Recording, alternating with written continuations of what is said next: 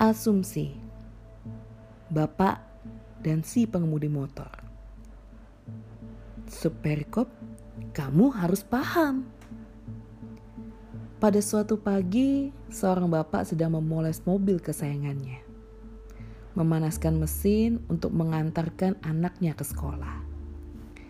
Suatu palang kayu ditaruh di belakang mobil sebagai tanda agar supaya tidak ada orang yang tiba-tiba memarkirkan motornya di belakang mobilnya. Baru sebentar palang itu digeser dan ditinggal sang bapak masuk ke dalam rumah untuk mengambil sesuatu lalu memarkirlah motor tanpa sepengetahuan sang bapak. Sang anak sudah memasuki mobil dan sang bapak sudah siap-siap untuk memasukkan persneling mundur. Lalu tiba-tiba, terdengar suara motor tertabrak. Sontak sang bapak menghentikan mobilnya dan sang empunya motor berlari keluar. Dan terjadilah percekcokan. Kamu ini gimana sih? Gak lihat itu ada tanda palang kayu. Buta ya kamu. Loh, bapak yang salah dong. Kok gak lihat-lihat pas mundurin mobil? Lagian mana saya tahu itu tanda untuk mobil bapak. Eh bodoh. Kan kamu bisa lihat kalau mesin mobil saya nyala. Ya berarti saya mau keluar. Dan kisah itu berakhir dengan sang empunya motor mengaku kalah. Walau dengan dongkol. Karena memang dia salah memarkir di wilayah sang bapak. Tapi sering kali kita di posisi seperti itu. Menginginkan orang lain mengerti maksud kehendak kita. Dan kita menganggap mereka bodoh bila mereka tidak mengerti sesuai standar kita. Tapi benarkah begitu? Haruskah kita menilai semua orang berdasarkan nilai kita? Maukah kita dinilai dari perspektif orang lain yang belum tentu mengerti kita? Karena mungkin sebenarnya ada sisi kisah yang seperti ini. Si pengemudi motor. Pagi itu ia bangun sedikit lebih terlambat dari biasanya. Karena semalam ia lembur dan sangat lelah. Pagi ini ia berencana membeli makan di warung depan untuk dijadikan bekal sarapannya. Karena hari ini pun ia akan melalui hari yang sangat panjang. Dan karena buru-buru, ia tidak memperhatikan adanya palang dan juga mobil yang hendak keluar. Kalau ia tahu, ia tidak akan memarkirkan motornya di belakang mobil itu. Ditambah, motor itu adalah satu-satunya kendaraan untuk ia bekerja dan hidup di kota perantauan ini. So, Bagaimana setelah Anda mendengar cerita ini? Bagaimana penilaian Anda? Siapakah yang salah dan siapakah yang benar? Kehidupan ini selalu seperti koin yang memiliki dua sisi. Jangan mudah mengambil kesimpulan tanpa mengetahui dengan jelas apa yang terjadi. Karena bila kita mengerti, kita tidak akan dengan mudah menghakimi orang lain.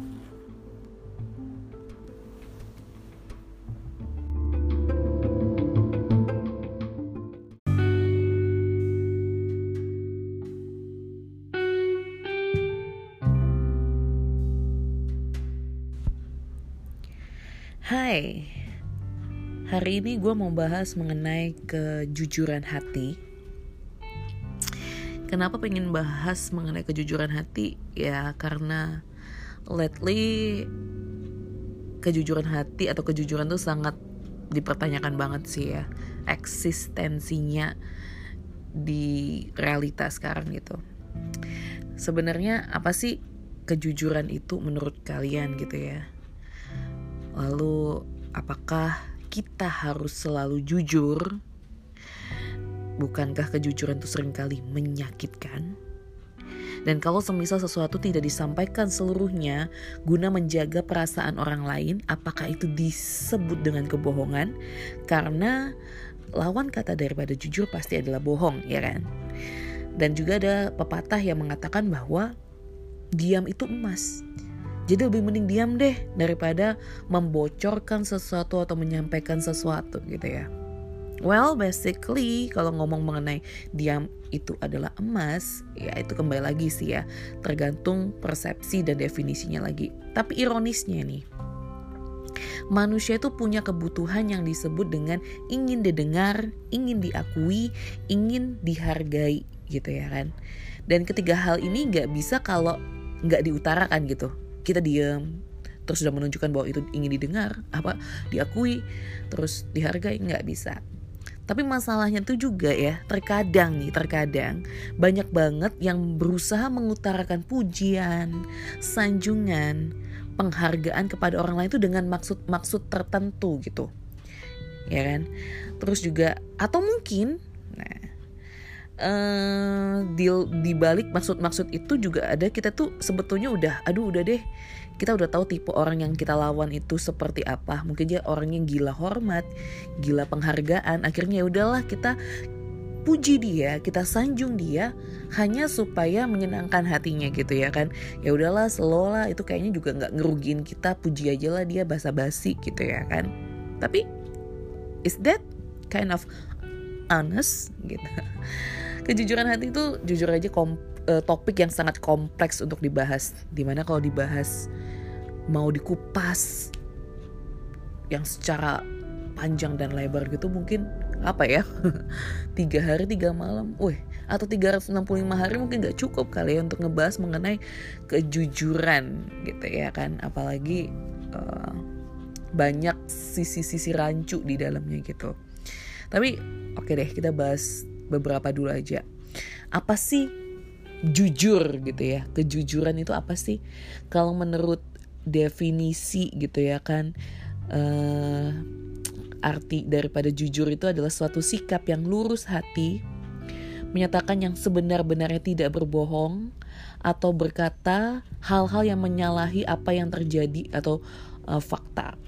Jujur juga bisa bermakna kesesuaian antara niat dengan ucapan dan perbuatan seseorang. Ini berdasarkan brandly.co.id gitu ya. Nah, artinya jujur itu kan no hoax gitu ya yang di mana uh, sedihnya sekarang orang-orang tuh lebih suka mempercayai hoax orang-orang lebih suka mempercayai yang namanya sensasi sensasi kadang-kadang dibangun dari sebuah kebohongan ya kan hoax hoax tuh lebih banyak dipercayai dibanding faktanya sendiri. Jadi ironis banget gitu loh. Misalnya apakah kita tuh memang uh, konsumen atau pecinta daripada kebohongan? Nggak tahu deh. Tapi yang jelas kalau masalah kejujuran kayak gitu ya kan jadi yang harusnya kita lebih menyukai fakta cuma fakta tuh kadang-kadang menyakitkan gitu ya. Kejujuran tuh kadang-kadang menyakitkan. Udah deh dibanding jujur mending ya udahlah buang-buang dikit lah white lies lah gitu ya kan. Um, apakah beneran gitu? Kalau kita white lies and then yang kita bohongi itu akan ujung-ujungnya kalau misalnya tahu apakah akan mengerti maksud tujuan kita? Terkadang kita dapati kan bahwa orang-orang begitu tahu bahwa mereka tuh dibohongi gitu ya. Ih ternyata kamu udah tahu lama ya nih misalnya yang sahabatan gitu ya. Dan kamu pura-pura aja selama ini. Itu lebih menyakitkan gitu dibanding um, ketika kita memang ya kita tahu kita cari momen kita ngomong kita sampaikan well it hurt. Ya memang itu menyakitkan tapi ya akhirnya lebih fair lah ya karena itu kita jujur gitu ya kan. Cuma nggak tahu deh kalau menurut kamu kamu lebih suka dibohongin white lies atau gimana atau kamu tidak ingin disakiti. Jadi ya udahlah gue gua mau nerimanya.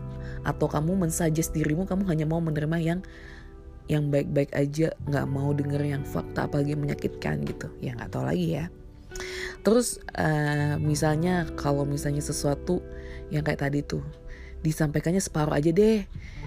Karena kalau aku sampai, sampaikan full dia tahu sepenuhnya dia pasti akan tersakiti tapi itu itu bohong nggak sih sebenarnya kalau aku sih menanggapi itu hmm, aku mengatakan tuh cerdik ya karena kamu bisa memilah mana yang penting dengan bahasa yang pastinya lebih bijak untuk menjaga perasaan. Well, walaupun gak semuanya, yang penting pesan tuh tersampaikan. Karena memang ada hal-hal yang mungkin gak harus semuanya kita paham, gak semuanya harus kita tahu. Tapi yang pasti kita ambil hikmahnya gitu ya. Jadi eh, nggak uh, menyampaikan seluruhnya itu apakah itu kebohongan? Nggak juga sih menurut aku. Tapi yang pasti jangan membuat sesuatu yang rancu yang mungkin faktanya A disampaikannya B gitu. Kalau itu udah jelas beda banget ya itu bohong gitu. Lalu untuk pilihan diam adalah emas well ada satu ayat gitu ya yang berkata di dalam banyak bicara pasti terdapat banyak pelanggaran gitu ya kan. Apalagi sekarang tuh banyak yang semakin banyak ngomong akhirnya membela-membela diri akhirnya membuat kebohongan gitu demi supaya ya nggak dinilai bohong ah gitu ya atau di, biar dia safe gitu ya kan. Jadi yang namanya kejujuran ini pilihan ya kembali lagi ke pribadinya. Kamu berani gak sih take the risk untuk menanggung segala konsekuensi kalau misalnya kamu berbohong dan atau kamu jujur gitu akan jadi seperti apa? Yang jelas kalau aku secara pribadi lebih seneng yang namanya jujur. Aku menghargai orang yang jujur gitu ya. Well maybe it hurts tapi it will heal by the time. Dan kejujuran itu lahirnya dari hati ya kan? Jadi mari kita budayakan jujur